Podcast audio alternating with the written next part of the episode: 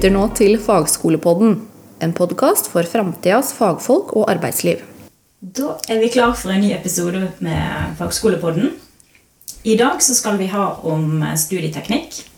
Og de som er i studiet i dag, det er meg, Lise. Så er det Elise. Og så er det Ane Celine, som jobber hos iFokus kompetanse, der hun er leder for opplæring. Det er flere som har ønsket seg en episode om studieteknikk. Og vi ser at dette kan være viktig både for nye studenter, så hvis du nå nettopp har startet på fagskolen, så kan det være en nyttig podkast å høre på. Men jeg vet at det er flere også som ser underveis at de hadde trengt litt flere teknikker for å mestre studiet enda litt bedre. Og kanskje være litt mer effektive. Så da går vi over til Ane Celine. Og da lurte jeg på om du kan fortelle litt kort om deg sjøl, og hvorfor studieteknikk er viktig. Det kan jeg prøve på. Eh, litt kort til meg selv. Jeg heter jo, som du sa, Anne Celine. Jeg jobber hos I Fokus kompetanse. Eh, og vi jobber da med opplæring og kompetanseheving for alle. Både på videregående nivå og norskopplæring og kursing. Eh, hva det som måtte være nødvendig for den enkelte. Um, jeg har en mastergrad i pedagogikk og utdanningsledelse. Og er brennende hjerte for de som faller utenfor. Og det var vel egentlig det som ga motivasjonen til å liksom dypdykke inn i dette med studieteknikker, motivasjon, mestring og lærende tankesett. De tingene der. Og det er ting vi holder kurs i hos oss, eh, både for studenter og arbeidssøkende. Um, men studieteknikk det tenker jeg er viktig for å få struktur, progresjon og ikke minst ro mens man studerer. For det er det mange som undervurderer. Den studieroen man trenger for å kunne få en god progresjon i faget. Mm. Så bra. Men hvordan eh, definerer du studieteknikk, da? Um, å definere, si, å studere og arbeide er jo å finne ut av, søke, lese, sortere, sammenstille, skrive, tegne, drøfte og reflektere. Det er også Å definere studieteknikk det handler jo om alle de tingene. Akkurat det der. Så teknikk det kan jo være en arbeidsmetode, en fremgangsmåte, prosedyre, retningslinjer eller steg, rett og slett. Så det er ikke én måte å definere det på. Det er litt avhengig av hvilken studieteknikk du bruker. For det omfavner veldig mye. Mm. Og da er jo neste spørsmål altså, hvilke teknikker finnes det? Det er jo veldig mange. Ja! og Vi snakket om sånn litt før vi starta her i dag også, at det fins litt teknikker ut ifra hvor du studerer. Om du studerer på videregående nivå eller høyere nivå. Eh, men det er noen som er veldig felles, eh, som funker for alle.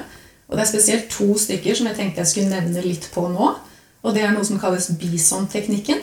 Den er veldig fin. Det er bison som i dyret bison, og det skrives rett ut akkurat sånn. Og det handler om at du starter med B-en. Du ser på bilder og bildetekster. Studerer bildene, skjemaer og diagrammer. Så går du over til I-en, som er ingress eller innholdsfortegnelse. Gjør deg kjent med den. Så går du til S, som er sammendrag, altså oppsummering av de viktigste, viktigste punktene i disse kapitlene du skal gjennom. Så går du til O, som er overskrifter, og det gir jo da inntrykk av hva som kommer i teksten. Og N, som da er nøkkelord, eller sånne NB-utropstegn. Det er ord som er utheva eller med spesielle betydninger. Og bare ved å gå gjennom det i det kapitlet eller det du skal gjennom, gir deg nesten en dekning på 50% av innholdet du skal gjennom. Så det er en veldig god teknikk. Og spesielt hvis du har litt sånn dårlig med tid, så er det noe man kan gjøre for å, for å komme i gang, om ikke annet. Mm. Um, men jeg har en sånn um, Jeg er veldig glad i å bruke tankekart. Og det er en av de viktigste teknikkene jeg tenker man kan bruke. Og da tenker ikke jeg på, Det er veldig mange som lager dette, den rundingen i midten, og så sprer det seg sånne grener ut, og så er det flere rundinger og så noen grener ut derfra. Ikke et sånn type tankekart. Det blir, å, det blir veldig ustrukturert for hjernen. Men å lage seg et strukturert tankekart med en firkant rett og slett i midten, hvor du skriver temaet du skal igjennom, og så lager du flere firkanter rundt, så det blir en struktur i det bildet i samme farge. Eh, og så skriver du inni de firkantene det som er relevant for emnet ditt. Eh, og grunnen til at vi ønsker da, eller at vi anbefaler å bruke samme farge, er fordi hjernen husker farger og bilder bedre enn ord. Så når du skal da sitte på eksamen og kanskje ikke ha med deg det du skal lære deg, så husker hjernen din det bildet av det tankekartet mye bedre enn hvis du har den rundingen med masse grener. For det kan fort bli forvirrende. Og for hvert emne du har, eller hver del du skal lære deg, så skifter du farge. Så hjernen din husker de fargene mye mye bedre knytta til det emnet du, du ønsker å ta. Og det er de to aller, aller viktigste. Men så, men så har du jo også dette med eh, når, du, når du studerer høyere, eller da f.eks. på fagskolen, så er det jo en del eh, tekst. Det er mye som skal leses. Eh, og da har man en tendens til å lese, og så markerer man gjerne ganske mye av teksten. Um, så det vi, det vi ønsker, eller det vi igjen anbefaler da, sånne, når vi jobber med studenter som skal gjennom disse tingene, det er å gå raskt gjennom teksten. Igjen lese overskrifter, illustrasjoner og sammendrag og sånne ting. Eh, og så leser du teksten nøye eh, og stiller deg selv spørsmål underveis. Eh, gjerne da hva, hvorfor, hvordan og hvem. At du kan svare på de tingene underveis. Og så tar du deg en sånn selvhøring. Eller sånn som jeg pleier å si, ta så snakk til noen som du vet ikke kan tema, eller lat som de ikke kan tema. En sånn tante, tante Gro, for eksempel. Ikke sant? Lær tante Gro om det du akkurat har lest. Det er en ekstremt god måte å gjøre det på. Og når det kommer til dette med tekstmarkering, så prøv å markere maks 20% av teksten. Velg ut det aller, aller viktigste. Um, og det tror jeg er noe de fleste bruker aktivt, den der markeringa der. Så bra. Nå var jo du litt inne på dette med eh, hvilken studieteknikk som kanskje er den mest effektive hvis man har litt dårlig tid. da. Ja.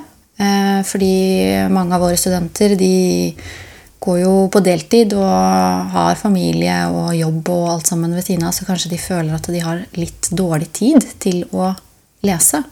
Men da var det Bison som var det som er best, eller? Ja, der er det selvfølgelig det er bistånd og tankekartet. Mm. De to supplementert med hverandre er veldig, veldig fine. Men eh, eh, det viktigste å tenke over når man sitter sånn og skal studere, det er hvilket mål man har. Er målet ditt å få toppkarakter? Er det å få middels, eller bare bestå? Og ut ifra de målene så kan du legge opp da den metoden som passer deg best til din studiehverdag.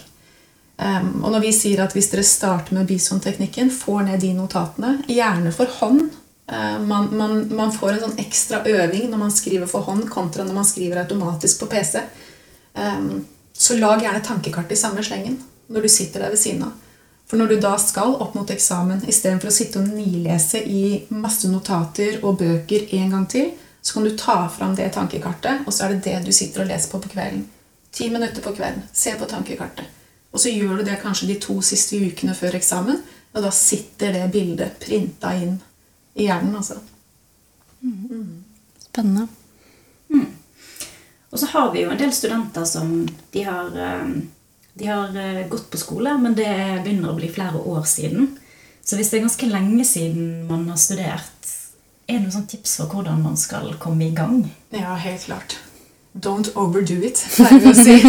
Det er veldig mange som bare kaster seg inn i bøkene og så skal lese alt og bli ferdig med det og effektiv og sånn. Eh, Men det beste tipset jeg har, det er start smått med en timer, rett og slett. Sett av maks 15 minutter. Les, eh, og så tar du deg en god pause. Og så venter du, og så setter du på 15 minutter til.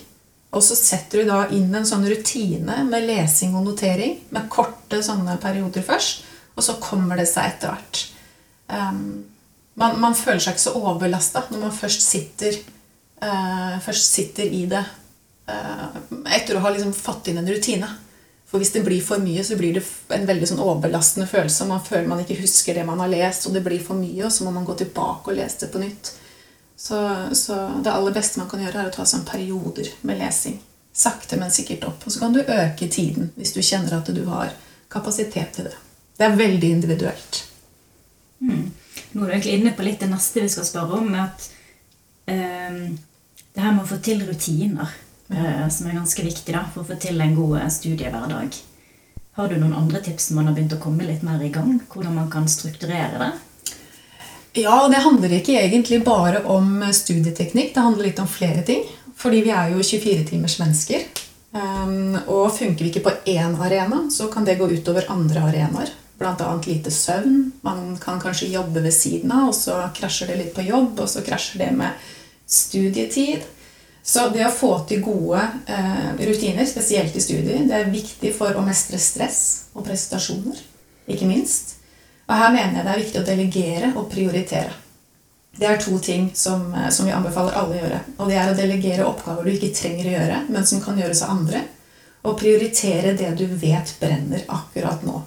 Eh, For det å føle seg ovenpå og i kontroll, det er en god følelse, og det minsker stressnivået eh, for å få gode rutiner.